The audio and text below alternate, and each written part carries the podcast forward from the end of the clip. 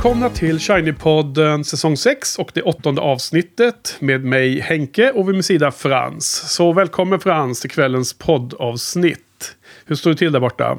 Tack så hjärtligt. Det är lite, lite segt och lite kallt. Annars är det okej. Okay. Ja, det börjar bli lite vintrigt nu. Mörkt. Ja, December är här. kallt. Det är bara några få plusgrader. Ja, det är härligt ändå att eh, det är den skalan du jobbar med när du bor i södra England. Och här är det ju annorlunda. Det har varit minus och det har varit snö redan och så. Även om det håller på att smälta bort nu lite verkar det som. Jaha, okej. Okay. Ja, det är så. Det är en trist eh, del av året. Men eh, då är det desto roligare att eh, titta på film. Och liksom börja ner sig i sin favoritfåtölj och slå på en gammal härlig eh, svartvit film från 40-talet. Kolla på lite Hitchcock. ja, precis. Ja, så till veckans avsnitt så har vi alltså sett filmen Lifeboat. Och eh, oj då. Eh, Eh, den var ju, blev ju, eh, släpptes ut, alltså hade premiär i januari 1944. Mitt under brinnande andra världskrig. Och eh, eh vid... Eh, ja, så det här är som Hitchcocks, en av hans bidrag till krigs...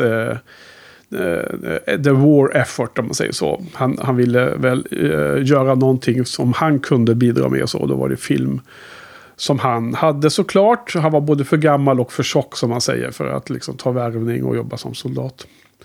Men innan vi kommer in på kvällens film så ska vi kolla om vi har några, har fått någonting i inboxen på vår hemsida som är shinypodden.se.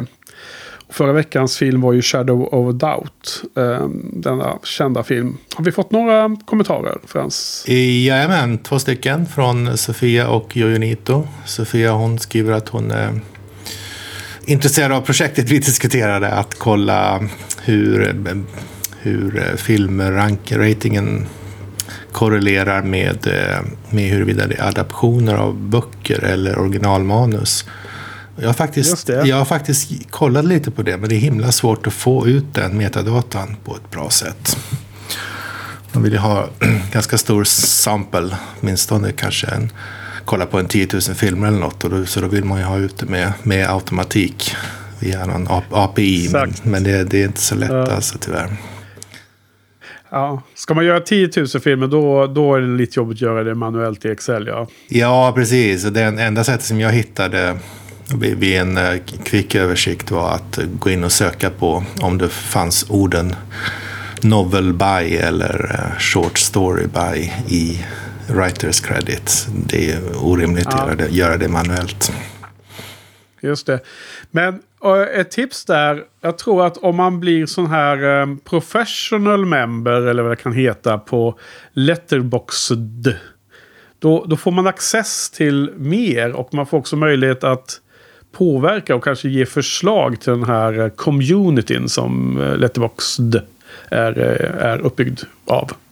Ja, Kanske man skulle kunna föreslå en sån, en sån API-uppdatering och en sån funktion skulle kunna införas.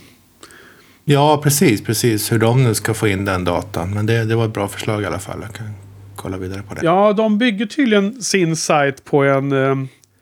Vad heter det nu Det är inte IMDB för den, den tar betalt. Men det finns en annan som är typ samma funktion. Att det är en databas för alla filmer. Och den är tydligen gratis att använda. En sånt där. Och det är också så internet, eh, movie database-aktigt då. Eh, även om det inte är exakt IMDB. Det, ja, men det, den, det, det är den, the themoviedb.org, va? Den har jag kollat på också. Ah, Okej, okay, okay. det, det, verkar som att de, ja. de inte riktigt... Eh, de har en himla massa metadata, men just det här med vem som har skrivit det och var det kommer ifrån. Det, det verkar de ha eh, ignorerat lite grann känns det som. Men jag, det är möjligt att jag har missat att det finns, finns någonstans i djupet där. Det kanske är... Eh, hör du Sofia, det kanske inte är så viktigt vem som har skrivit eh, manus och storyn. Det, liksom, eh, det, låter på, på dig Frans som att det fanns många metadata men inte just detta. Det var inte viktigt nog. för, för, för det, verkar, ja, men det, verkar som, ja, precis, det verkar som att sajterna har inte fokuserat på det. De är mer intresserade av an, annat tyvärr. Ja. Ja, eh, Nej, en annan sak som. Sofia tar upp, eh, Frans, som jag får eh, lägga till det, är att hon eh, lyfte här att det var spännande tolkning som du hade där av eh, hur du tolkade filmen förra veckan. Och, och det svarar jag också på till Sofia här, att eh, mycket inspirerande och utmanande tolkningar du hade här. Så att vi börjar bygga upp en eh, spänd förväntan här inför kommande filmer i framtiden. Vad det kan vara för några tolkningar som vi får eh, presenterade här på onsdagskvällarna. Det ska bli mycket kul att, titta vidare på. Ja, Ha en alltså spaning jag, på det. jag har ju växt, växt upp i de här filmerna utan att någonsin ha kollat vad någon annan har sagt om dem. Så att det finns nog mycket, mycket egna bisarra tolkningar från mig framöver här. Ja, det, det blir ju som en eh, jättespännande resa. Det blir en egen eh, spaningspunkt här att se. Och eh, det är väl som alla stora konstnärer säger att de, eh, man ska inte be konstnären tolka hans eller hennes konst. Utan det ligger ju i betraktarens öga. Och det är liksom när man konsumerar konsten som den, som den blir fullständig så att säga. Eh, Precis. jag vet inte om det var något exakt citat, men det är ungefär så som många säger. Jag menar, till exempel Neil Young då, han vägrar ju helt förklara sina texter. Utan det, det får vara upp till var och en att tolka hur de texterna är. Eh, och så. Och, och även många av de mest så här, många klassiska filmer då som eh, diskuteras än idag är ju sådana som just inte är helt exakt väl definierade i vad de betyder eller menar. Och, och det finns olika fans som, som tolkar det på olika sätt. Och så finns det då en livlig diskussion om de här tolkningarna just för att de inte är övertydliga eller väldigt enkelspåriga. Utan det finns ett utrymme för de här tolkningsgraderna då. Ja, Ja, precis. spännande. Ja, Ja, sen var ju eh, jag ju också inne och svarade lite. Och mm, det var ju eh, kul att se att han, ja kul, han hade ju också eh, gillade att du gillade filmen. Även om han kanske eh, köpte in mer på min eh, lite mer så här medel eh, eh, uppskattning av filmen. Då, även, om 3 av 5 är ju ett bra betyg så är det inte så lika bra som en 4 av 5 som du gav. Eh, och sen håll, håller han också med oss om det här med McGuffins då. Och, och vi, vi sa ju det ganska noggrant förra veckan. Men att en sådana här små detaljer som de jobbar med. En, en ring eller en tidning och så vidare. Som har en viktig betydelse för handlingen då. Det är ju allt annat än en McGuffin. Så att den där webbsidan som jag hade sett den listad på. Den, den, eh, den sidan får vi ju se med mindre... Alltså det verkar inte som att de har koll på läget där lite. Så det, det ska man inte använda som, som referens tycker jag inte. Nej, det kanske, är- det kanske är en sån uh, sajt där de har ansträngt sig för att hitta någonting i så många filmer som möjligt. Ja, det kan ju hända och så. Men det, det duger inte riktigt om det blir liksom fel. Jämfört med vad, hur, hur det har beskrivits av mästaren själv. Nej, precis. Ja, ja. Ja, men du. Eh, ska vi gå över till veckans film då? Lifeboat som vi nämnde. Från 1944. Eh, brinnande krig. Och eh, hur ska vi börja? Ja, Ska vi ta och ge lyssnarna som då mot förmodan. Jag menar, det, det känns ju helt osannolikt att någon skulle lyssna på det här utan att ha sett alla Hitchcock-filmerna som vi pratar om. Men om de inte skulle ha sett just den här filmen och råkat vara en liten, litet glitch där i systemet. Då kanske vi skulle ge bara en väldigt kort synopsis om vad den här filmen handlar om. Den Så har vi här- hittat något på internet, eller? Ja, den här centrala och ikoniska Hitchcock-filmen. Ja, den är eh, hyfsat central tycker jag. Ja, shoot. Ja, det står så här. Six men and three women against the sea and each other. Utropstecken. During World War II, a small group of survivors is stranded in a lifeboat together after they, the ship they were traveling on is destroyed by a German U-boat. U-boat. Hur säger man det egentligen? U-boat. Submarine. Ja, allt. Ja, det slutar ja. Ja, precis. Det här är ju eh, en rent tekniskt eh, och genomförandemässigt fascinerande film. Och eh, det är så en eh, grundidé om handlingen från eh, Alfred Hitchcock själv. Och han eh, ville utmana sig själv med eh, att kunna spela in den här filmen med den här extremt begränsade ytan som de befinner sig på. Det är ju ett kammarspel i den här eh, livbåten. Och de lämnar inte livbåten. Och kameran är aldrig utanför livbåten. Förutom precis i inledningen när man har en lång långtagning, en lång svepning där man får se de här, eh, det här skräpet som ligger i vattnet och de här döda personerna och allt eh, bagage och allting som ligger och flyter efter båten som har eh, sänkts. Eh, och sen så får man i princip, eh, kommer man i princip resten av filmen in i livbåten i olika vinklar hela tiden. Och sen mot slutet så är det lite mer, eh, ja, lite andra vinklar där i slutet som vi vet. Eh, så min eh, teaser inför det här och, och kicka igång eh, diskussionen lite. Det är ju som att det här är alltså ytterligare en film som är helt inspelad i studion. Och är det liksom... Eh, igen har han hållit på att göra havsscener och eh, med eh, action i och olika saker som händer. Eh, och allting är liksom som att de har gjort en jättestor vattentank i en sån här soundstage och sen filmar de där. Är det liksom, funkar det fortfarande? Är det här realistiskt? Är det bra gjort? Och vad tycker du om den eh, aspekten? Om vi börjar i den änden den här gången. Eh, I den änden, ja.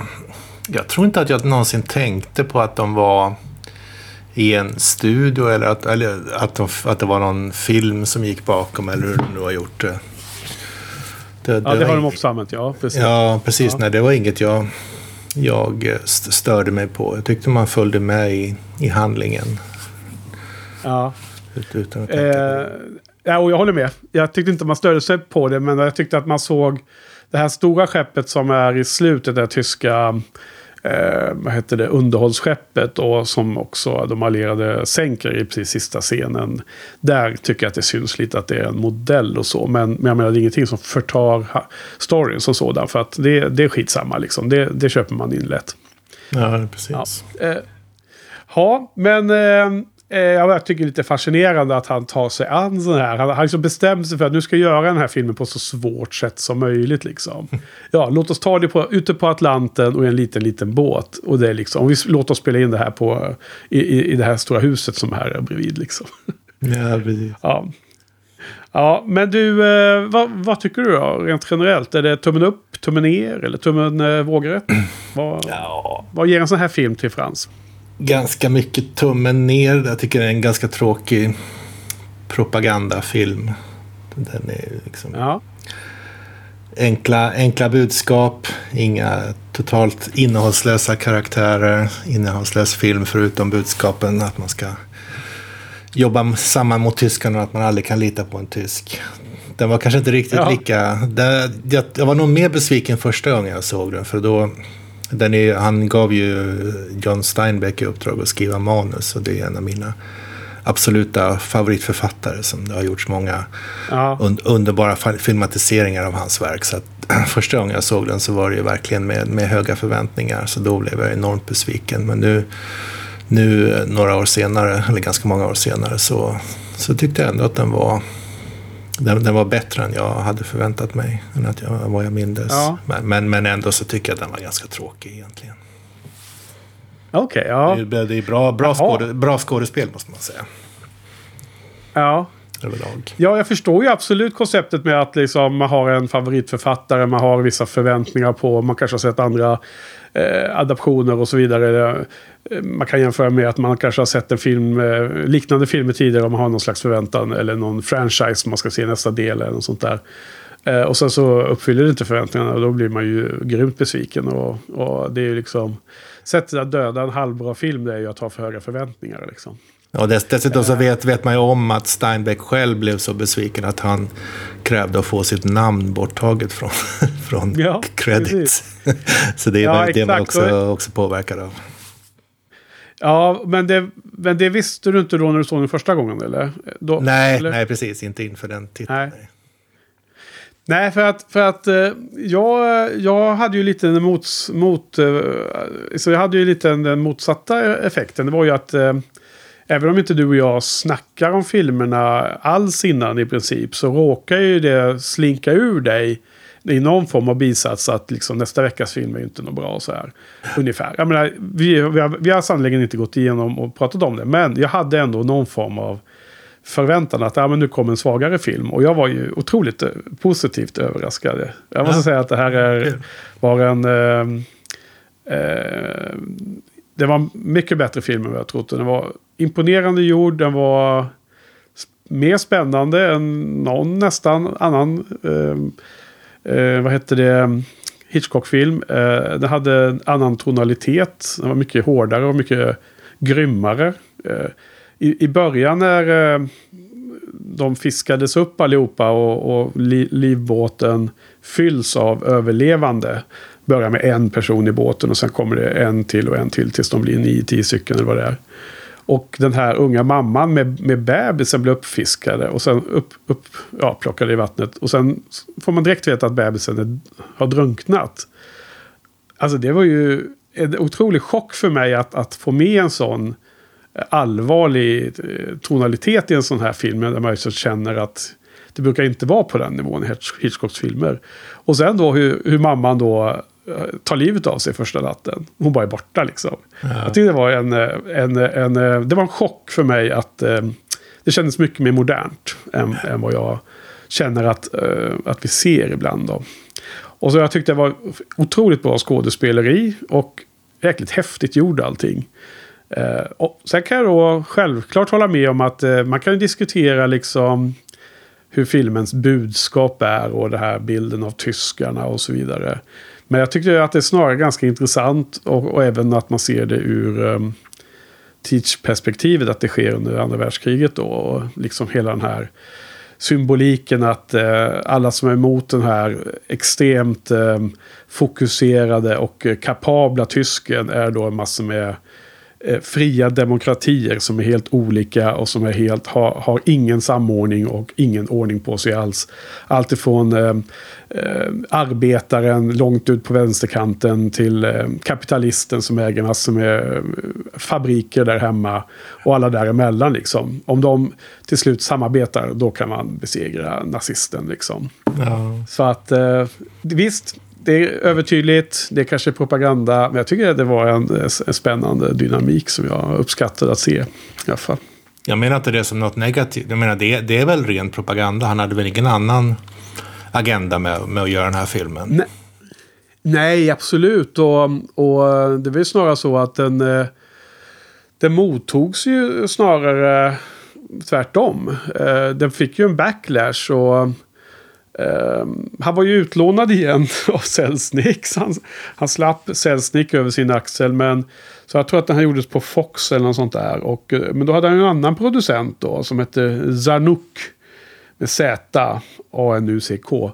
Och, och, som också var inne och, och började klippa i filmen efter den var klar tydligen. Eh, inte för att det ändrade jättemycket men den här Sanook ville också jobba som Selznick gjorde. Såg jag på den här dokumentären som var med på Blu-rayen som vanligt. Då. En väldigt intressant dokumentär igen. Så jag kan rekommendera alla dem hittills som jag har sett. Och, och, så han var inne och ville liksom få en del av äran. Och vara lite så här mogul som, som Selznick var. Och, eh, men sen när, när, filmen fick en backlash. Så ville han ju direkt eh, dra sina händer ifrån verket. Därför att precis i början fick den ju positiv kritik. Men sen var det någon i New York där, någon, någon kvinnlig filmjournalist som helt plötsligt började se det som att de hade för, förhärligat uh, nazisten. Att han, var så, att han var en bättre sjöman till exempel än någon av de andra. Ja. Och att han var liksom eh, stark och, och sådär. Och då, då blir det en backlash som om man inte hyllade na, na, nazisterna. Vilket liksom, det är väldigt svårt att köpa in på nu i efterhand. Och det var ju någonting som Hitchcock bara vägrade att besvara och så. Men, men då var det när producenten då inte ville vetas vid det här och inte ta den smällen eller den diskussionen. Så, så avbröt de ju distribution och reklam för den. Så då liksom bara den dog ut tydligen mm. i in the movies. Medan den gick i New York väldigt länge så fick den liksom inte samma distribution ut i landet som, den, som det var planerat då. Mm. Har jag förstått det.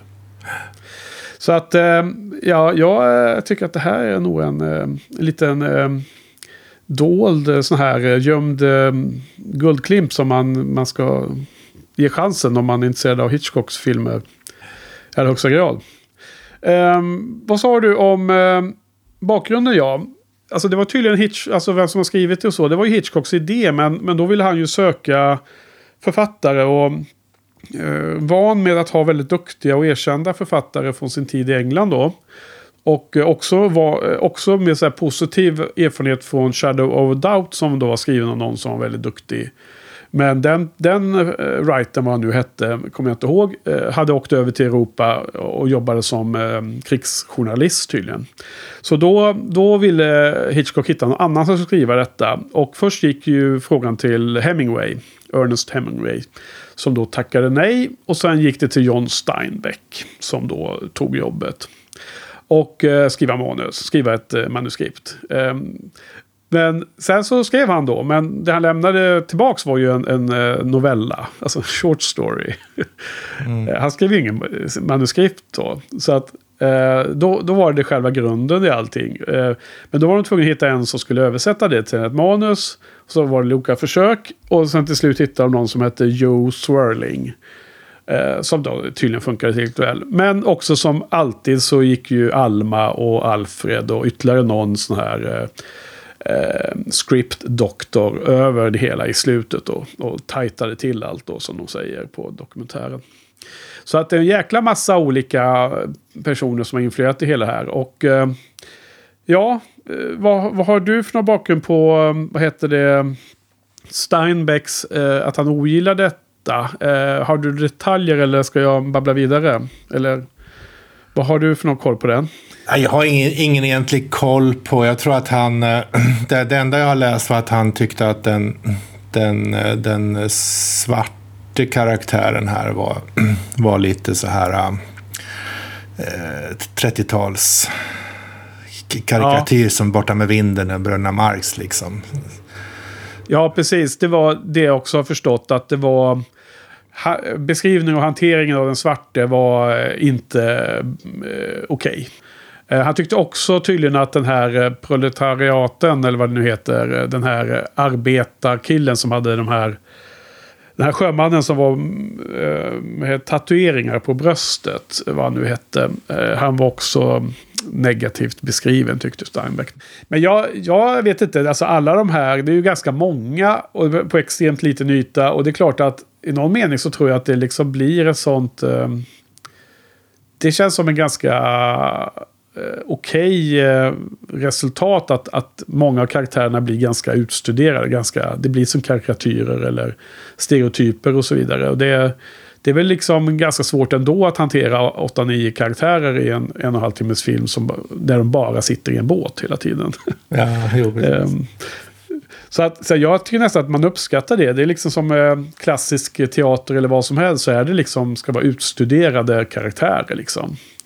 Eh, Men, det är väl liksom, man kan inte anklaga Shakespeare för att eh, ha massor med grumliga karaktärer. Där alla har alla, har alla egenskaper och så är liksom.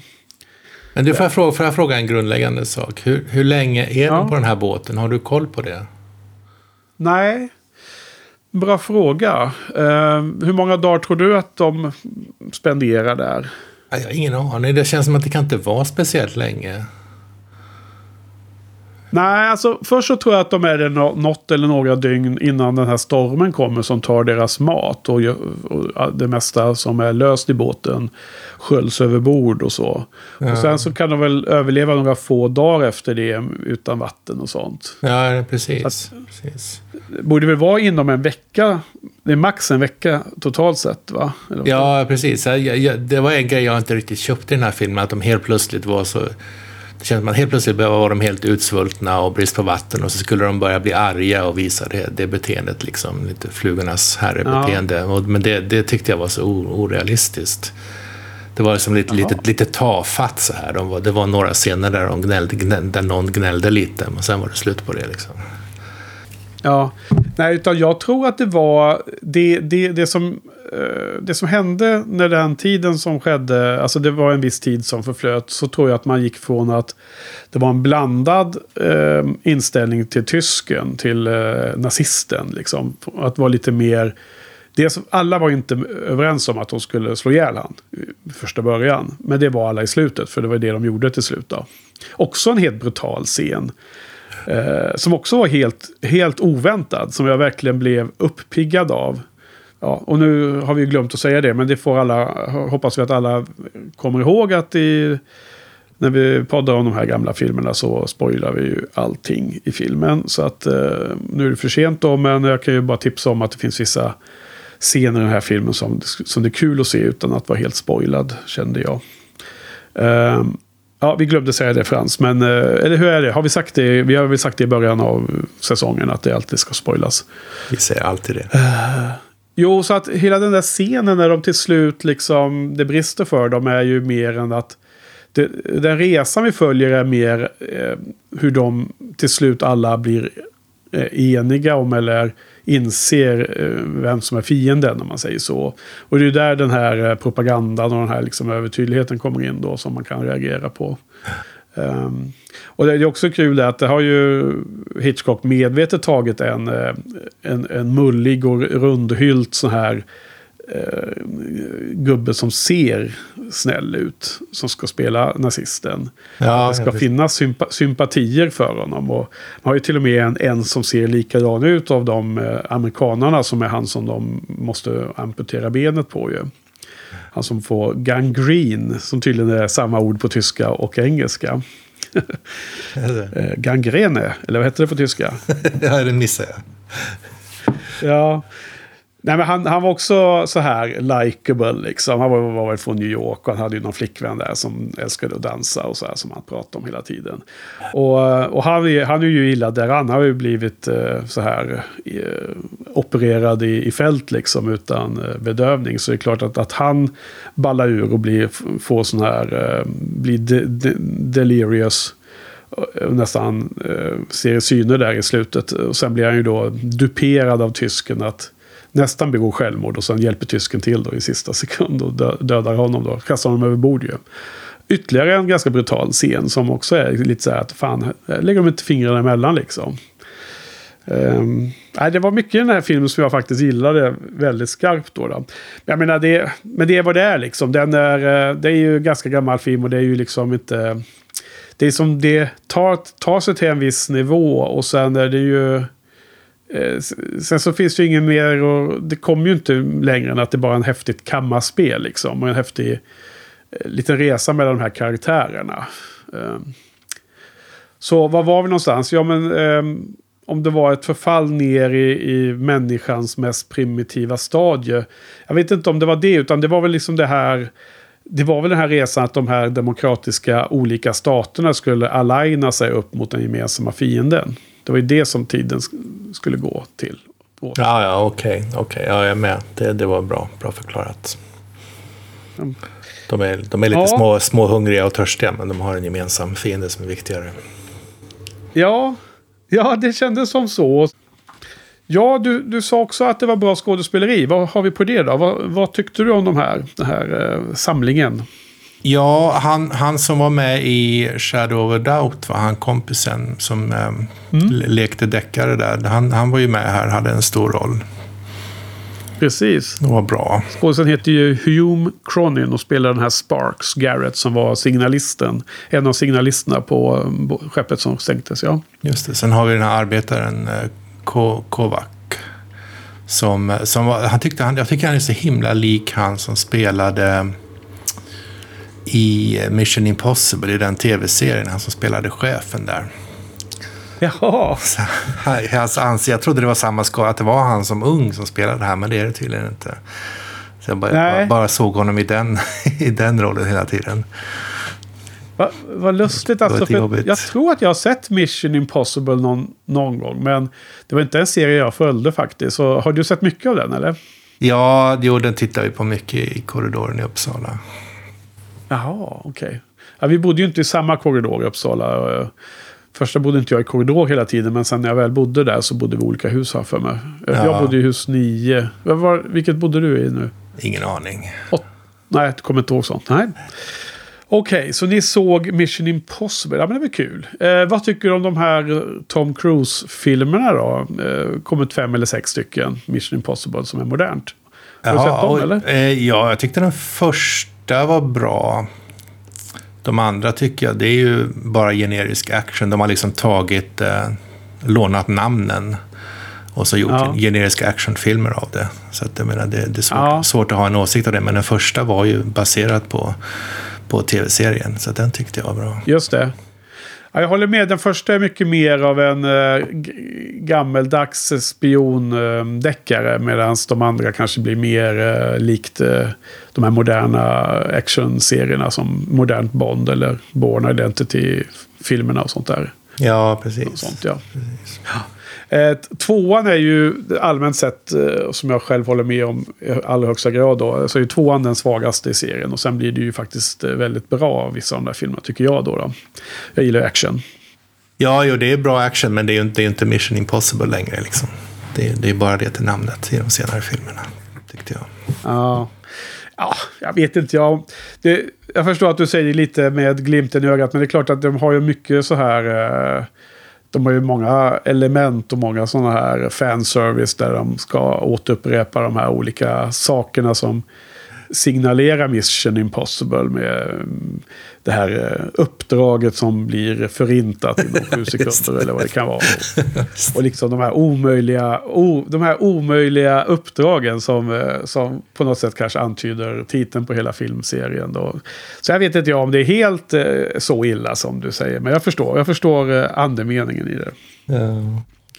Ja, ja hon, den här, den här Talula Bankhead. Bankhead. Alltså jag såg ju direkt i första scenen att jag älskar den här karaktären. Och hon verkar vara så jäkla skön också. Eh, på något sätt så är det ju ofta så, tror jag, att man liksom köper in i en skådespelares energi och karisma lika mycket som karaktären. Och jag kände direkt att det här är ju en störtskön karaktär och jag var jättenyfiken på skådespelerskan.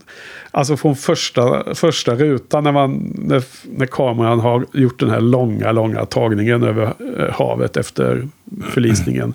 Mm. Och så fram till den här lifeboat och hon sitter där med sin, eh, sina fina kläder och högklackat. Och, sin, sin eh, ju, juvelarmband och sin kamera och skrivmaskin och bagage och allting.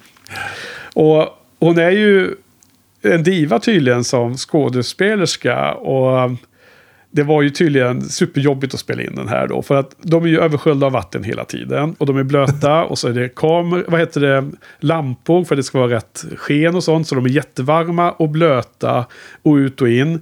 Så var och varannan av dem blev ju sjuka liksom med lunginflammation och sånt. Och inklusive hon då, huvudpersonen här, eh, blev ju också det.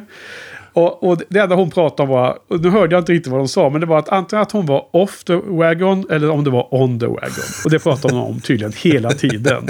Hennes, hennes eventuella on eller off då på alkoholismen där. Och de andra i, eh, i, i casten då var tydligen helt uttråkade på henne, uttröttade. Ja, ja. Eh, men jag, jag, bara, jag tycker liksom man ser fram sig, jag tycker så himla festlig bild som målas upp. Och sen var det så himla kul också för att, för att eh, eh, vad heter det, Alfred Hitchcock, han bara liksom, de kom ju jättebra överens. De var ju bundisar liksom. Ja, ja. Så det är så himla lustigt att det är så typiskt att han, ja, liksom diggar henne då, om man säger så. Ja. Men hon var någon, hon var någon teaterskådespelerska va? Hon hade inte gjort så mycket filmer om jag förstod det rätt.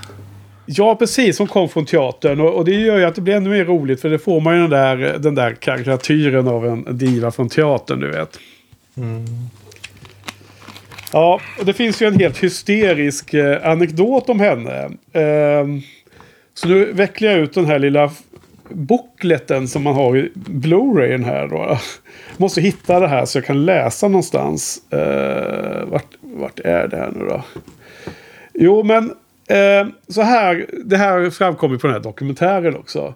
During filming, several of the crew members noted that Talula Bankhead was not wearing any underwear. When advised of the situation, Hitchcock uh, quipped, I don't know if this is a matter for the costume department, makeup or hairdressing. Så att han, han vägrade tydligen eh, ta det med henne i alla fall. Utan det får någon annan hantera. ja, just det. På tal om det, såg du hans, såg du hans cameo? Ja, men det är ju den bästa cameon av alla Hitchcock-filmer. Ja, det är jättebra. Antagligen. Det är jätterolig. Ja, berätta, berätta för uh, lyssnarna, för de som... Alltså det kan väl knappast vara någon som lyssnar på det här som inte har sett filmen innan väl? Vad tror vi om det egentligen Frans? Nej, det är väl osannolikt va? Det är osannolikt. Ja, men berätta ändå hur cameon är. Den, det, är någon, det är svårt att få in honom som cameo i båten. Det är lite orealistiskt att han skulle sitta där plötsligt. Men de har en tidning och eh, jag kommer inte ihåg om någon läser tidningen eller om den bara liksom hålls upp på något, används till någonting. Där det är en annons för en, eh, ett bantningspreparat som heter Reduco. Alltså Reduce. Där man får se en före och efterbild på Hitchcock i profil. Förebilden i hans, hans dåvarande profil och efterbilden när han är helt smal. Den är jätterolig. Ja, ja och det, det är ju så himla lustigt för att eh, det är liksom eh, genialt att komma på den här lösningen. Och de pratar om det här en del på den här eh, dokumentären. Och, och, och, där är ju då som vanligt då. Den här är inspelad 2005. Och, och det som vanligt är det ju hon Pat, dottern då, Patricia. Och sen eh, är det också hennes dotter, alltså ett barnbarn till Hitchcock. Eh, som, som också pratar lite. Eh, och sen är det en filmvetare och sen är det då en John Steinbeck-expert som också är med i den här dokumentären. Ah, okay. Och då, då pratar de i alla fall om den här cameon då. då. Och då har det tydligen Hitchcock eh, funderat länge på hur fasen skulle han komma med. För han, han kan ju inte bara gå förbi i bakgrunden liksom. Och, stå i någon kö eller liksom bara sitta på ett tåg eller något sånt där. Utan, ja, så först så tänkte jag att han kunde ju flyta förbi där i början som ett, som ett korps. Men sen så ville inte han blöta ner sig. Yes. okay. Så att liksom, under hela filminspelningen skulle alla de här skådespelarna vara blöta hela tiden. Men Hitchcock kunde inte bli nedblöt en, en dag. Då, då, Och sen sa han, och dessutom skulle jag nog bara sjunka tyckte han. Så att det var liksom ingen bra idé. Så då, då kom han på den här idén då. För att då höll han ju tydligen på med sin diet också. Så han var under strikt diet och och de sa flera gånger, och olika källor sa att han gick ner från sina 300 pounds. Eh, det var ju också något som nämndes i samband med extra material till förra filmen. Eh, så gick han ner till 200 pounds. Och, och då hade de ju tagit de här före och eftershotten. Så det, så det var ju okay. tydligen eh, liksom... Det var väl inte som dator efterbehandlat då, då, som man håller på med idag i, i Photoshop och så. Men det lustiga var ju att filmbolaget och även Hitchcock själv fick ju massa sådana här brev och sånt. Där de frågade honom vad man fick tag på det här medlet. Eh, bantningsmedlet. Så det var ju bara något han hade hittat på ju. Det fanns ju inte såklart. Det är också roligt för att det är samma... Den, det är väl en trollformel de använder i Harry, Harry Potter va? Reduccio. Ja, är det exakt samma ord till och med? Reduccio. Ja, precis. Jag tror att hon stavar det med, eventuellt med två C eller något sånt där. Men det är samma ja. reducera. Just det. Ja. Ja, nej, eh, så den älskade jag. Jag tyckte att det var mycket, mycket trevligt faktiskt. Mm. Eh, dottern där, Pat Hitchcock och hennes dotter då, Mary Alma Stone. Så hon hade också ett mellannamn från, eh, från mormor där då. Alma Breville. Ja, eh, en intressant liten detalj. Uh, han körde ju då inte bara utmanade sig med att spela in en hel film uh, i en, en sån liten lokation som en uh, livbåt är. Utan han körde också utan filmmusik. Filmen igenom. Ja, uh, förut, förutom under sådana här titles i början så var det någon musik tror jag. Men sen är den ju mer eller mindre utan då. Eller den är utan filmmusik. Det, det är också noterbart då, då för de som är intresserade av film eh, film på det perspektivet. Just. Tänkte du förresten på i, i början när du sa inledningsscenen här att det börjar med att ett, skänk, ett skepp sjunker, man ser skorstenen falla ner. Ja. Och, och då undrar man vad är det där för skepp? Men det etablerar de väldigt snabbt genom att man får se saker som flyter från skeppet. Så man, det är ett, en kortlek och ett schackbräde och någon sån här modemagasin och så. Det, man får se väldigt de, de etablerade väldigt elegant att det är ett passagerarskepp och inte något, ja. något krigsfartyg. Tyckte jag, tyckte jag var bra gjort. Ja, precis. Jag tycker de sätter eh, upp vad som filmen handlar om extremt väl i början faktiskt. Ja. Går väldigt snabbt och ekonomiskt. Ja, det var det. Nej, men det, det, det kände jag precis samma faktiskt. Och det här liksom föregår ju lite sån här, du vet på 70-talet fanns ju massor sådana ehm, eh, katastroffilmer. Du vet skyskrapan skrapan brinner är ju en sån. Och det finns någon som heter Poseidons undergång eller något liknande. Eh, där något stort eh, sån här lyxkryssare går under. Och att, att det är liksom massor med folk ur de olika samhällsklasserna och olika positioner på båten. Några som jobbar, några som jobbar där eller var servitör eller jobbar liksom i maskinister. Och några som var liksom passagerare. Och så här. Där de samlas och måste lösa ett problem. Det, så det är liksom lite föregångare för dem känns det som nästan. Ja. Är det några filmer du, du uh, har sett mycket eller? För jag tror de också gick på tv. Nej, det låter inte så bekant. Jag vet inte om jag har sett någon sån faktiskt. Ja, nej. Jag såg om faktiskt Skyskrapan brinner för ganska nyligen. Den är ju en tidig 70-talare, kanske ja, 73 eller 74 eller något sånt där. Ja, och okay. 74 tror jag faktiskt, känns det som. Eh, ibland när man pratar filmår, vilka år en film är gjord så är det liksom underlättare med att man skrivit om filmen på bloggen. För då kan man nästan liksom komma ihåg vilket år man skrev in i, i själva blogginläggets eh, inläggets, eh, rubrik. Så. Just. Ja. Eh, men det kanske är fel och då, då hör, hör säkert någon av sig till eh, shinypodden.se och rättar där. Eh, ja, nej, men det, det är okej. Okay. Fast det är också, också, känns också som gammal film i och för sig. Men det är alltid fått ses sin era. Eh, en annan sak återigen om filmen här. Jag tänkte på det. Lite av det här eh, att, att människorna bryts ner till sina mer så här basala om, om inte djuriska så ändå mer grundläggande personligheter spelar de ju med lite här. Eh, dels för att man såg det och, dels för att det också diskuterades ganska mycket på det, här extra materialet.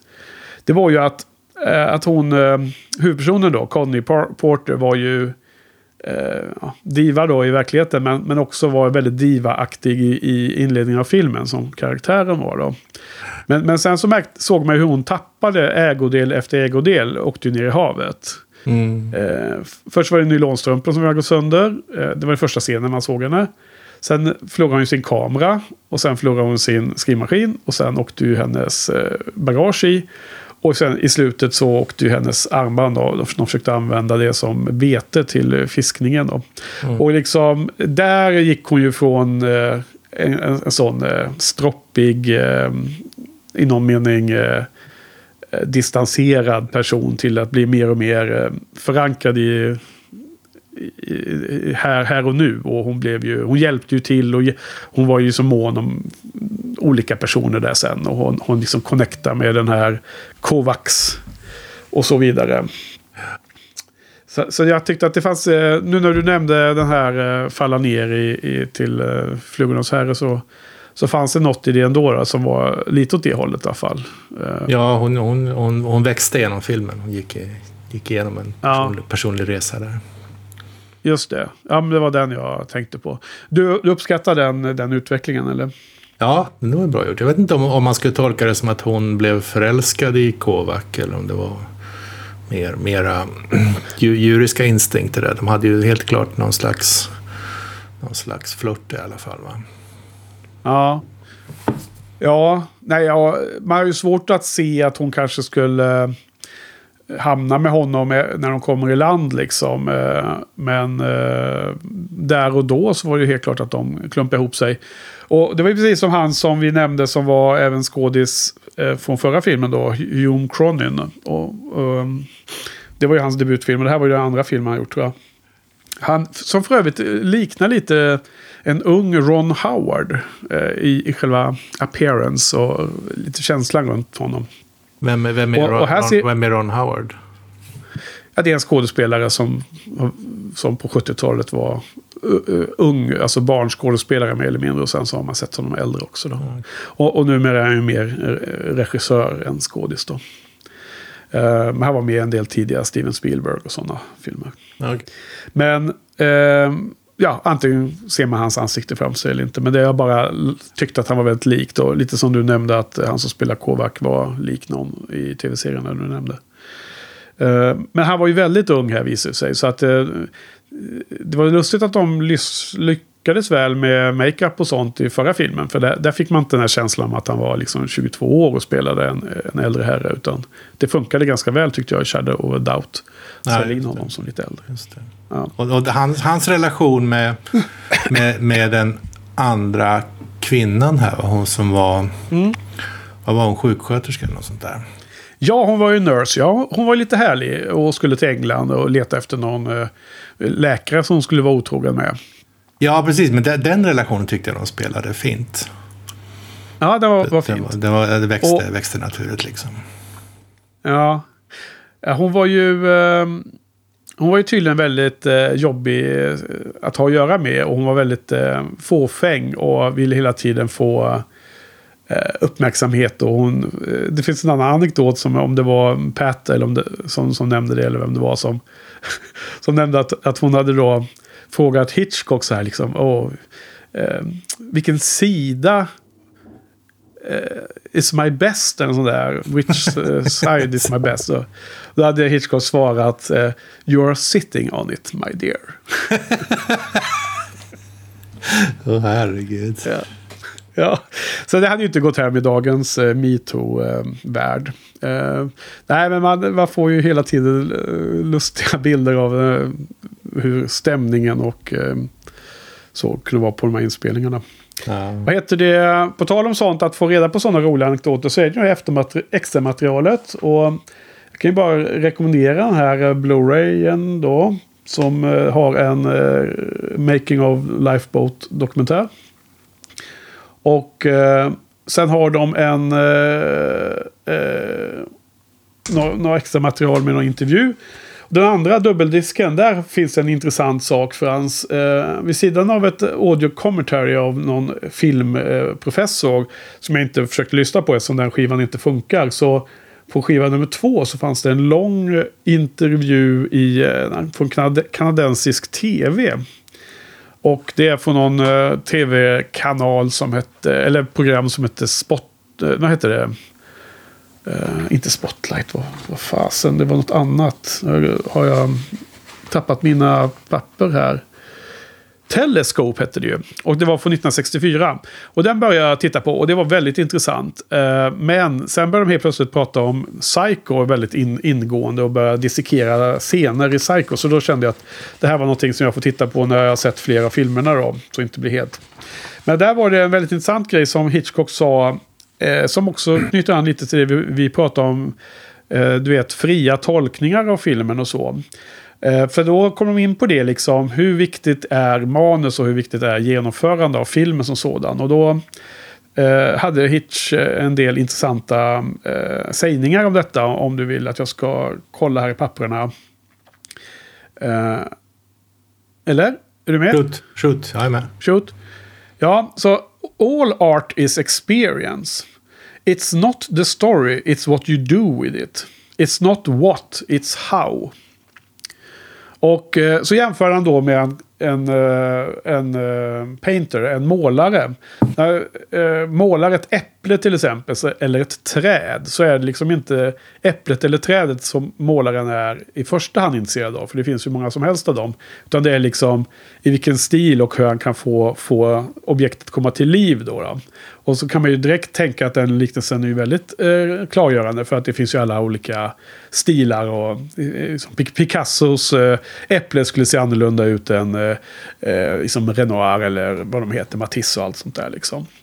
Eh, och jag, jag tolkar det som att, att, att eh, han är intresserad av väldigt mycket av filmtekniska frågor. Och, men att det också betyder, i det här fallet så tror jag att det också betyder ju att han, han är nog intresserad av innehållet i storyn. Men han är intresserad av, intresserad av hur han presenterar storyn. Eh, mer än att storyn liksom är bara rakt upp och ner. Det här med att liksom skapa suspens och, och tjock eller vad nu än man jobbar med. Liksom. Karaktärer ska vara mer eller mindre tydliga och så vidare. Jag tyckte det i alla fall var eh, lite belysande att höra honom eh, prata om just den frågan. Men du, eh, vi måste diska av några av våra, eh, våra fasta punkter då när det gäller spaningar här. Och vi har ju då som diskuterat tidigare på inboxen då McGuffins. Har vi något i den här filmen eller? Nej, jag tror inte det va? Eller? Nej, det tror inte jag heller. Nej. Jag Och knapp, ingen- knappast, ingen- någon, eh, knappast någon jojo-spaning heller va? Nej, inte- sannerligen inte. Vi är, Inte så högt över vattnet. vi är aldrig mer än några decimeter ovanför havsytan, så att det är nog svårt då. Precis. Men däremot skulle jag välja att lyfta upp, de, de spelar ju poker här va? Ja, De spelar ju dragpoker, alltså du får fem kort. Och sen så får du byta en gång så många kort du vill. Och eh, första handen så har den ena paret damer och byter tre kort, den andra har paret kungar och byter tre kort. Så det är korrekt spelat. Och sen så gör eh, par kungarna, han som har paret kungar som inte, inte förbättrar sin hand, han gör ett, ett bra värde, värdebett där. Som även, även många eh, amatörer eller eh, vagt avancerade spelare skulle missa idag. Ganska avancerat spel. Och sen så kommer ju den stora handen där, där hans kort blåser bort sen, den här grevens. ja. Han Han har fyrtalet tvåor. Ja, han, han börjar ju med triss i två år. Han gör ju fel där egentligen, för man ska ju alltid byta ett, ett kort med triss. För att annars har man, är man i princip markerad med triss. Men det, sen visar det sig att han har ju tydligen eh, lagt upp det för det läget genom att ibland byta två med par med en hög kicker och den andra, den andra kommenterar till och med du, du vet väl att det är fel att hålla, hålla på en kicker? Vilket också är ett avancerat koncept. Men en, må- många nybörjare skulle ju, om du hade par i sjuor med ett S, skulle de behålla, behålla de tre korten och dra två. Men, men, men det är ju fel och det visste, det visste han ju om då. Men han, den, han, han, hade tänkt, Ja. han hade tänkt ett steg till där och lurat honom att, och kastade två med sina triss där för att den andra skulle tro att han hade den. Så att han, han gillrade en långsiktig fälla, ja. Precis, precis. Och precis innan det så hade han ju dessutom bett att få höja insatserna från 100, 100 dollars ante till 1000 dollars ante. Så det var ju... Jag, tycker jag blev imponerad av den, att den researchen de hade gjort där på de händerna. Ja, och det var ju... Eh, eh, sen blåste ju alla korten bort så han fick aldrig visa sin... Eh, alltså han hade fyra tvåor. Men eh, Kovac hade väl... Eh, vad hade han? En full house eller vad var det han hade? På Ja, han hade kåk, man fick aldrig se hur han fick den. Man fick aldrig se hur många han bytte, om han hade den patt från början eller om han bytte sig till den. Det fick man aldrig veta tyvärr. Nej, precis. Nej, men kåk och full house är ju samma. Eh, så det var ju avancerat. Så han hade ju honom på kroken där då. Eh, vad nu hette den? Eh, det var ju han, eh, kapitalisten i alla fall då. då. Ja, precis. Ritt, eh, han heter Rittenhouse va? Kallas för Ritt. Henry Hull spelar honom. Charles, Charles J. Rittenhouse Jr. hette han då givetvis. precis. Långt och komplicerat. Så jag, jag, blev, Eh. jag blev imponerad av det. Jag tyckte det hade varit så enkelt för dem att bara göra någon nonsens där som ingen hade tänkt på, som de har gjort, gjort i många andra filmer. Jag tyckte det var väldigt... Ja, och jag, jag så tycker att eh, det är otroligt skarpt eh, eh, spanat. För att eh, jag såg bara att de, att de helt plötsligt vann på, på um, låga händer. Och, och det var ju så känns som att det... Det reagerar jag på som att det känns mer realistiskt. För att jag tänker direkt på den här helt absurt dåliga poker... Eh, eh, filmpokerhandeln som är i den moderna James Bond-filmen Casino Royale. Ja, ja, han har en straight flush där. Ja, När, när alla har helt absurt höga händer. ja precis. och, och liksom, det är bara så här liksom once in a billion chans att det där skulle ske. Och de, liksom, de bettar inte alls rimligt ens efter vad de har. Och det är också helt... Alltså det är ju mycket, mycket mer spännande om det skulle vara en realistisk pokerhand. Men Ja, här är det bara som att, ja, jag har fyrtal. Nej, men jag har eh, färg och stege. Och när jag har färg och stege ännu högre. Liksom, det var ju som så här bara... Ja, det var, den är så usel så det liknar ingenting. Och det, det är som att... Eh, vi, vi låtsas ju att alla åskådarna är så himla korkade så att det här verkar som att det var ett spännande parti när det bara är liksom ett eh, hål i huvudet-parti. Liksom. All, Ja. Alla gör eh, sämre än vad de borde ha gjort. Liksom. Det, det lustiga, lustiga med den är att jag spelade poker med min bror och min svåger. Vi spelade om, om cigaretter eller tändstickor eller något på en semester nyligen. Och då fick jag precis den handen han hade där. Han var 59 i spader, va? straight flush. Och min, min bror hade en S-hög flash. Det blev, det blev, jag hade precis samma läge som mellan två av spelarna inblandade i den handen. ja, ja. Men det är klart att även en osannolik eh, ställning händer ju ibland såklart. Ja, men det var bara två av dem. Som du sa så var ju det var osannolika. Det var att alla hade. Det var ju liksom fyra eller fem spelare som Ja. hade konst, bra händer. Där. Ja. Jaha, ni hade, ni hade det i alla fall inte på samma ja, giv när ni spelade. Jo, ja, men det var, det var bara två av oss Ja, just. som hade bra. ja, så Mattias vann där då, eller många råttor? Nej, jag vann. Jag hade straight flush. Ja, du vann där, vad bra. Okej. Ja, men du... ehm, ehm, ja, men det var en liten utredning om det då. Eh, Spännande. Eh, men vad tycker du om att de konstruerade kort... eh, alltså däcket, vad heter det? Eh, spelkorten själva. eh, kortleken. Eh, från att eh, liksom bara riva av sidor från någon liten notepad. Alltså det var så stor risk att man kunde identifiera korten i vilket fall va? Det var ju Ja. som också, det var en svaghet i det hela kan jag tycka. Jo, precis. Men de hade inget, inget val. Måste ju, människan måste Nej, spela men kort. jag menar, eh, Hitchcock hade ju val, så han hade kunnat, liksom, i någon av väskorna så fanns det en eh, kortlek. Liksom, så att, annars var ju, för jag, jag tänkte på hela tiden, ska, ska liksom, är poängen med det här nu att någon kan liksom se hur, hur, hur de här ojämna korten ser Ah, ut? så ja, kan-. Om det, är är det det som är knepet eller är det det som är poängen med scenen? Men det, det var aldrig så. Så att det var liksom bara... Eh, ja, det bara skrev det att det skulle vara på det viset. Men eh, ja, det kändes som att det var en Ja, nej, det har, det. har rätt. Det skulle faktiskt ha kunnat finnas en kort, kortlek där utan att det skulle förlorat något på det.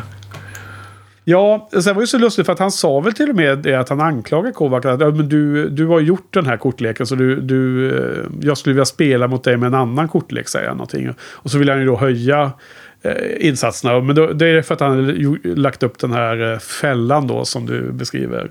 Så det, det förklarar den dialogen lite mer. För att han, han, han liksom menar på att han är en loser och han, jag, jag kommer bara förlora hela tiden. Det, det, det är det han etablerar där då. Så han ska kunna Ja, eh, få, få upp eh, eh, insatserna.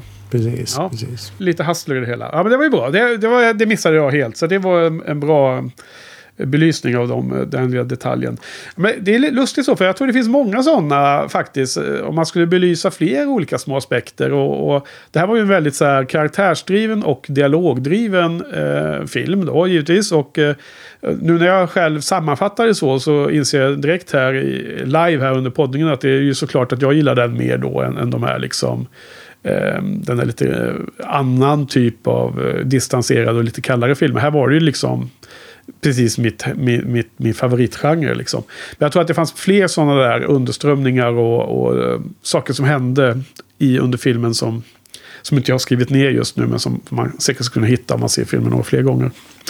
Som händer under Ja. liknande sätt. Ja, men du. ehm, jag tänkte att vi skulle också faktiskt nämna, därför att det verkar som att, att det känns som att det nästan hör till här. Och det beror väl på att det är samma år framför allt. Att direkt efter han gjorde Lifeboat, och den släpptes ju då i januari 1944. Så åkte ju då Hitchcock över till England. Och eh, han hade då blivit tillfrågad att va, göra eh, kortfilmer då för eh, Fria Fra France. Eh, så här Liberté eh, François eller vad den kan heta. En slags propagandafilmer som visades för, eh, för att liksom hylla motståndsrörelsen mot eh, tyskarna. Och som också visades en hel del tydligen sen efter eh, kriget var över och så. Så han åkte till England och eh, gjorde två stycken halvtimmesfilmer då. Lite så här kortare. Och då så, säger han på någon av de här intervjuerna då. Jag tror att det är på den där kanadensiska tv-intervjun. Då han säger att I knew that, I, that if I did nothing I, I would regret it the rest of my life. Så li, lite som Sverige som nation då alltså. Att, att nej, vi håller oss neutrala. Vi, vi skiter i att dra vårt strå till stacken här då i kriget. Och, och det har ju satt sina spår. Så att eh, han gick och åkte över och gjorde Bon Voyage och Aventyr Malgache. Eller hur uttalar man det- Madagaskar-äventyret. Det var bra uttalat. Ja, har, har vi tittat på dem eller? Jag har, jag har sett dem. De finns med på Blu-rayen här som jag köpte. Jag har sett dem. Jag tyckte att eh, Aventyr Malgache var riktigt bra. Den var bättre än Lifeboat tyckte jag. Ja, ja eh, okej, två påståenden igen, eh, i en. Jag tyckte helt klart att det var bättre än Bon Voyage, så att det var den bästa av de korta, men eh, nej, jag tycker nog inte att den var bättre än Lifeboat. Men det var ju härligt. Eh, berätta, vad är då Aventyr Malgash, vad, vad händer? Vad händer i den? Ja, det är en enkel historia. En, en kille som eh, driver eh, under, eh, vad säger man, frihetsrörelsen på Madagaskar och försöker föra ut folk som vill vara med i kriget. Och eh, han, han håller på att bli avslöjad. Så det handlar om hans, han, han berättar om sitt sitt avslöjande och sitt eh, fängslande och sin kamp där efteråt. Det är bara Ja. en, en enkel historia som är, var väldigt spännande tyckte jag. Väldigt eh, bra gjord och eh, det är som den franska kolonien. Eh, olika ställen i världen och, och sen när Frans, Frankrike föll då så tillsattes ju en, en eh, Tyskland vän, vänlig eh, här marionettregering. Och eh, i Norge var det väl Quisling och allt det där va. Nu tillsattes när Norge föll och så. Uh, och då, då så gick det ut order om att man från kolonierna inte fick lämna kolonin och eh, ansluta sig till uh, Eh, eh, de allierades sida för att strida mot tyskarna och strida för Frankrikes frihet. Då. Så att, eh, och då ville tydligen folk lämna Madagaskar för att kunna eh, join up. Liksom. Ehm, och ifrån Norge var det ju, så smugglades ju man ut och det var ju massor med folk eh, som åkte över till England och bland annat utbildade sig till stridspiloter och deltog på engelska sidan med, med britterna och inklusive sen när, de- när de återerövrade Norge. Och, och det finns ju en från min släkt i Norge som, eh, som, eh, är, eh, som hette Tronstad och som var en, en, en motståndsman som utgick från England och som var med i eh, sprängningen, eller ledde sprängningen av den här eh, fabriken när man, eh, när man fick en biprodukt med tungt vatten som skulle användas i atomvapenforskningen i Tyskland. Ah, ry, precis, här hjältarna från Telemark. Va? Ja, just, det. Jaha, vad spännande. Det har jag läst om. Ja, ja, det finns en ganska nyligen inspelad eh, brittisk miniserie om detta som är jäkligt bra. Eh, det var lite oklart länge i mitt liv om, om huruvida min eh, familj från Norge var liksom så stor så att det inte gick att härleda och så vidare. Men när min kusin här nu som är eh, några år yngre fyllde jämnt här nyligen så har ju min, min farbror, Ankel Yngvar, gjort eh, eh, släktforskning. Och eh, ja, men det är ju så att familjen är ju väldigt eh, eh, liten. Den, den har två grenar då. Och det, den ena grenen är från Telemark och den andra är från Trondheim då. Mm. Och, eh, så det går att hänvisa tillbaks eh, alla som heter Tronstad till en gård som ligger uppe vid Trondheim som heter, eh, heter det då. Eh, och där är någonstans i det släktträdet är, är jag ifrån. Mina, min, min pappa och min, min farbror och så vidare uppåt. Då. Ja, fantastiskt. Så att... Ja, lite så. Jag vet inte om jag kan kalla den här eh, hjälten från Telemark någon eh, avlägsen eh, kusin eller något sånt. Det kanske inte är så nära, men det är åtminstone rätt släkt. Ja. Och min, min farmor då, eh, med, eh, vad heter det? Eh, pa- Pappa föddes ju då 39 så att han, han växte ju upp då under misären, andra världskriget och svalt och så här när han var liten. Och min farmor var ju, eh, eh, vad heter det? Eh, vad heter det? Eh, hon tog alltså meddelande mellan motståndssidan. Eh, Ja, ja. Eh, hon, var kurir, heter det va? Mm. Meddelanden som var skrivna på någon slags jättetunt rispapper. Så, som att man kunde äta upp det jättesnabbt om man blev er, ertappad av Gestapo. Så här.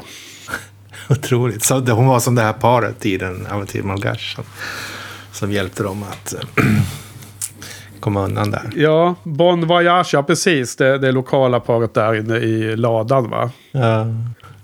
Ja. Jo, eh, nej men den här eh, om Madagaskar först, Madagaskar först. Det var ju en festlig film och, och jäkligt lustigt eh, filmad. Det var ju...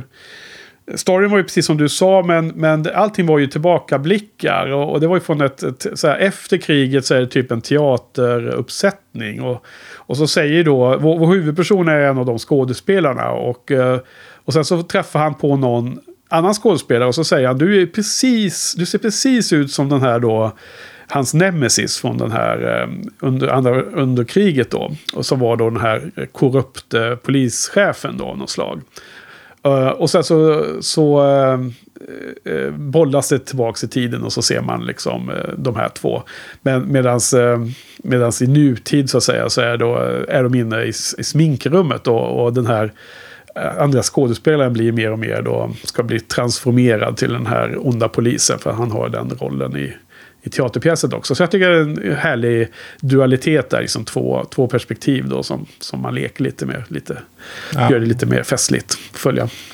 Den andra eh, filmen där, den, bon, bon Voyage, den, är ju, den påminner ju väldigt mycket om den här tv-serien. Om du såg den när vi var jättesmå. Secret Army eller eh, Ja, precis. För det fanns ju en seriös eh, serie eh, om eh, motståndsmän i Frankrike vid andra världskriget. Och sen kom ju ganska snart Belgien. efteråt... Belgien var det va? Är det Belgien? Okej. Okay. Mm. Ja, det är precis som, som Poirot, att man säger fel där och kallar honom för fransman. Eh, men sen kom det ju den här eh, Allå, allå, Emliga armén. Den här eh, parodin då på detta kom ju snart efteråt. Och, och det är ju den som känns som att, att fler folk har sett och som man mer kommer ihåg. Eller hur? För det var väl två olika serier, va? Var det inte så? Ja, ja det var det. Jag tror inte att jag sett den här parodin så mycket. Men den här Allå, allå, Emil Armén. Har du inte sett den? Den svänger omkring med någon stor baguette och så hela tiden. Och det är någon rund eh, så här kaféägare som har någon sjuk mamma på övervåningen. Och han, han har någon så här... Eh, de här, vad heter det, servitriserna och de har olika eh, liksom, förhållanden hit och dit. Och det, det är ju ren komedi. Du har inte sett den eller? Ja, det, låter vagt bekant alltså. Kanske har sett något avsnitt. Ja, Okej. Okay. Ah, ja. Nej, men så jag, jag har extremt vaga minnen av den första serien. Så den, berätta, vad, vad har vi på den då? Eh, vad hette Secret War, eller vad sa du? Nej. Jag tror den hette Secret Army. Den hette i alla fall Hemliga armén okay. på svenska. Eh, nej, men den ja. gick väl på, den var 70-talet någon gång. Man var jätteliten. Det var ju sån här som var... Ja. Man var klistrad varje vecka när den kom.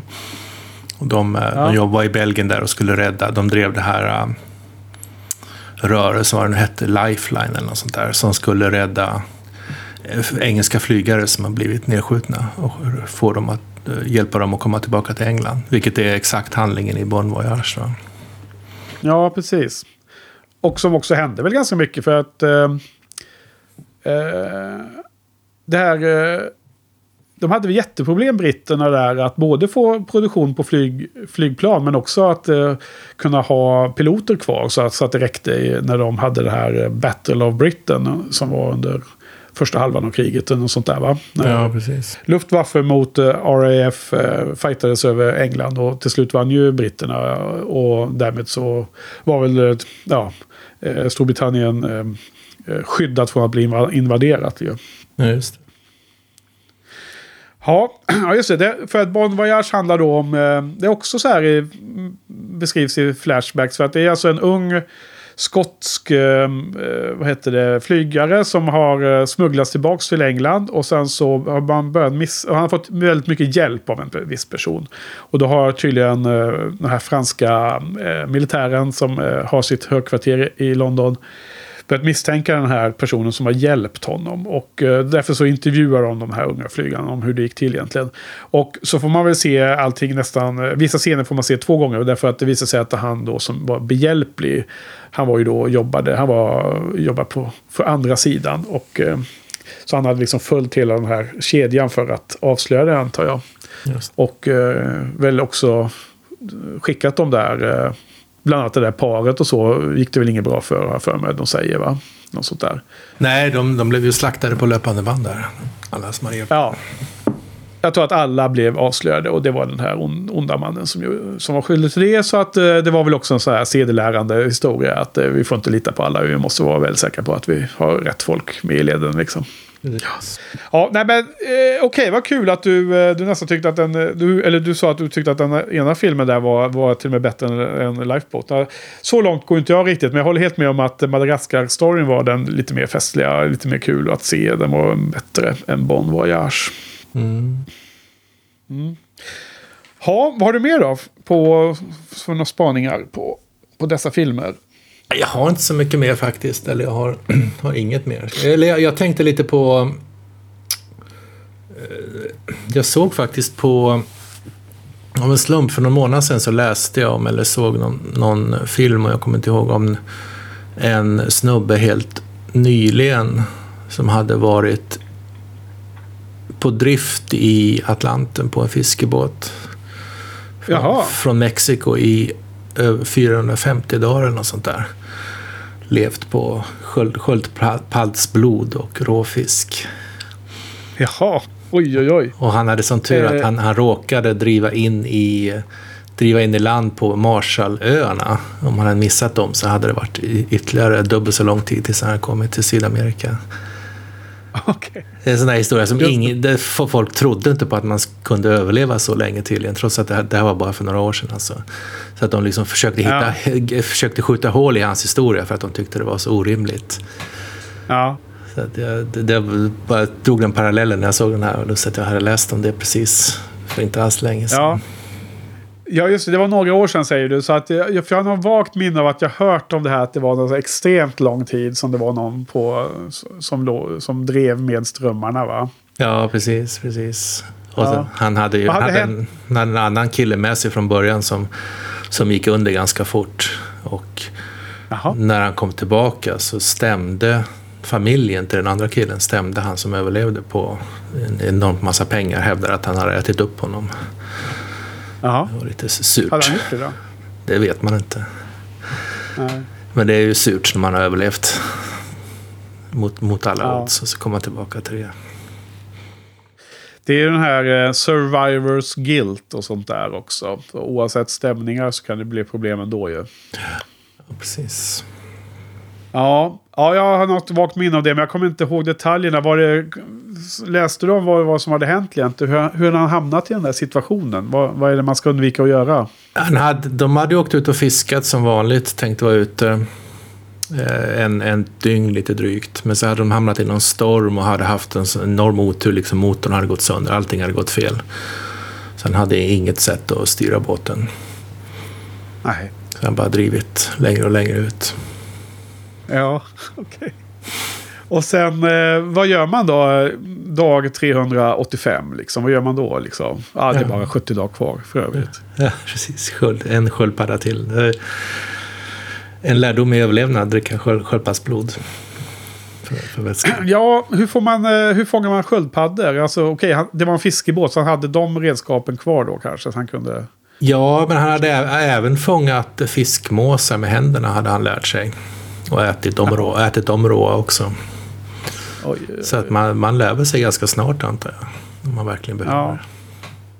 Ja, eller så är det som den där eh, kompisen har det. Att man, antingen så har man det i sig att vara den här eh, extremt djuriska, nära, nära liksom naturen, eh, en djurisk nivå. Eller så gör man inte det och då går man under ganska tidigt och så Ja. klarar man sig inte. Ja, ja, ja usch. Ja, ja, det är väl bra om man slipper göra, ha, få, få, få, få veta the hard way om man är en sån som överlever eller inte. Ja. Precis. Ja. Är det din tur att börja med eh, avge ett betyg eller är det min tur? Hur känns det? Eh, ska vi se. Eh, Jag tror att det är min tur först faktiskt. Ja, Jag, jag ger den två. okej. Jag ger den 3 av 5. Oj, bra. Och eh, den är väl ganska stark trea känns det som. Eh, Ja, fantastiskt. Helt klart ett, eh, eh, en hel del kvar för att vara en fyra. Det behövs eh, film på en annan nivå. Men det var väldigt mycket positiva saker här. Så vi får se hur rankingen blir sen. Jämfört med andra. Eh, Okej. Nästa vecka så kommer vi in 1945. en f- Och en film som heter... Ja, vad heter den Frans? Har du koll på det? Vad är nästa film i listan? Spellbound. Spellbound, ja. Och eh, detta är alltså första filmen som Hitchcock har Ingrid Bergman. Ingrid Bergman och Gregory Peck. Men Ingrid Bergman, det är ju så supersvenskt klingande namn. Är det, vad har vi på henne? Eh, Vad, vad vet vi om henne? En amerikansk filmstjärna, eller vad är det? Ja. Nej, inte det. Okej. Ja, Gregory Peck då, det är ingen favorit direkt. Men han kanske är bra. Han han är väl lite yngre här antar jag i alla fall. Till att börja med. Ja. ja vi Ja. ska inte förstöra något för lyssnarna. Nej, vi ska eh, hålla oss på halster. Eh, du får inte säga något. Men är det en film du har sett förut? Oh ja. Oh ja. Ja, nej, jag har inte sett den. Det ska bli jättespännande. Detta är då en film noir. Psychological mystery thriller. Ja, satan vad, vad de svänger sig med den här film noir-genren. Jag börjar bli lite upprörd över det faktiskt. Eh, för du vill att det ska vara den här, eh, det ska vara liksom Marlowe och sen skulle det vara en eh, fem fatal och sen en olycklig som, som blir förintetgjord. Jag, jag, tycker det, Det- Jag, nej, men jag tycker det bagatelliserar de här filmerna lite grann och kallar dem för film noir. Aha, okej. Men är film noir-genren eh, liksom en, slit och släng eh, trash-genre eller vad? Hur ska vi se på det? Nej, jag vet inte. För mig är det väldigt specifikt så det är inte alls i samma, samma Ja. hä- härad som vare sig den här eller Shadow of a Doubt som också var film noir. Nej, precis. Ja, men visst är det det här att det ska vara en PI liksom som är sliten och dricker whisky och har ett litet kontor och så här. Det ska vara så här frostat glas i hans dörr och det är så här påklistrade bokstäver när det står hans Ja, precis. Och det ska detektivbyrå. vara falska, falska figurer som lurar varandra hela tiden. Just det. Ja, nej, man har väl fel, eh, fel om nej, det. jag kan hålla med. Jag kan hålla med, men eh, det kanske är så att film noir är ett eh, bredare koncept i det här sammanhanget. Att det finns andra element i film noir. Ja, men till exempel Den tredje mannen, är det en film noir? Tycker jag verkligen inte. Nej, nej, okej. Ja, jag undrar jag. Jag tänker mig... eh, vi, måste vi läsa på det här nu då? Ska vi, eh, ska vi reda ut det? Eller ska, vi, eller ska det vara veckans shout-out till lyssnarna? Att liksom ge oss en kort och ko- koncis eh, beskrivning av vad, vad, vad 17 är en film noir-genren egentligen? Kan, kan vi få Jojje och Sofia och, och, och, och gärna andra också och pitcha in här? Vad är en film noir? Det var en bra idé. Är det en bra uppgift? Det är bra. Ja. Jag menar, nu har du tagit på dig eh, projekt för minst två somrar, kommande somrarna här. Så att nu får ju som även lyssnare lyssna, eh, ta lite, jobba lite, va? kavla upp ärmarna. Det tycker jag. Okej, vad bra. Spellbound. Men du, eh, har du något annat att addera kvällens pöd? Jag tror inte det. Jag tror inte det. Jag menar, det finns ju som sagt många, många underbara filmatiseringar av andra Steinbeck-böcker. Så det är bara att titta på. Lätta Ja, att hitta. just det. Precis, det, finns det några favoriter som du vill highlighta? Ja, det finns ju ehm, Östra Meden med James Dean. Det finns eh, en, en ganska modern film som är Of Mice and Men, Möss och människor med John Malkovich. Så finns det den klassiska Vredens druvor med Henry Fonda. Min, min personliga favorit Canary Row med Nick Nolte. Ja, och, och Deborah Winger va? Ja, precis. Och sen så finns det en... Den har ju du visat. Ja, okej. Alltså finns det en som heter Wayward Buzz som är lite lustig. För att den, det är en blondin som spelar en av huvudrollerna där. Som är Jane Mansfield. Men jag... Under hela min uppväxt så trodde jag att det var Marilyn Monroe, Monroe som spelade den huvudrollen. Åh nej, vilken fadäs. Precis. Men den är också väldigt bra. Så det är i alla fall fem filmer. Jag tror att det är typ ett tjugotal av hans böcker som har blivit filmatiserade. Ja, men nu har du highlightat fem till eh, lyssnare, så det är fantastiskt.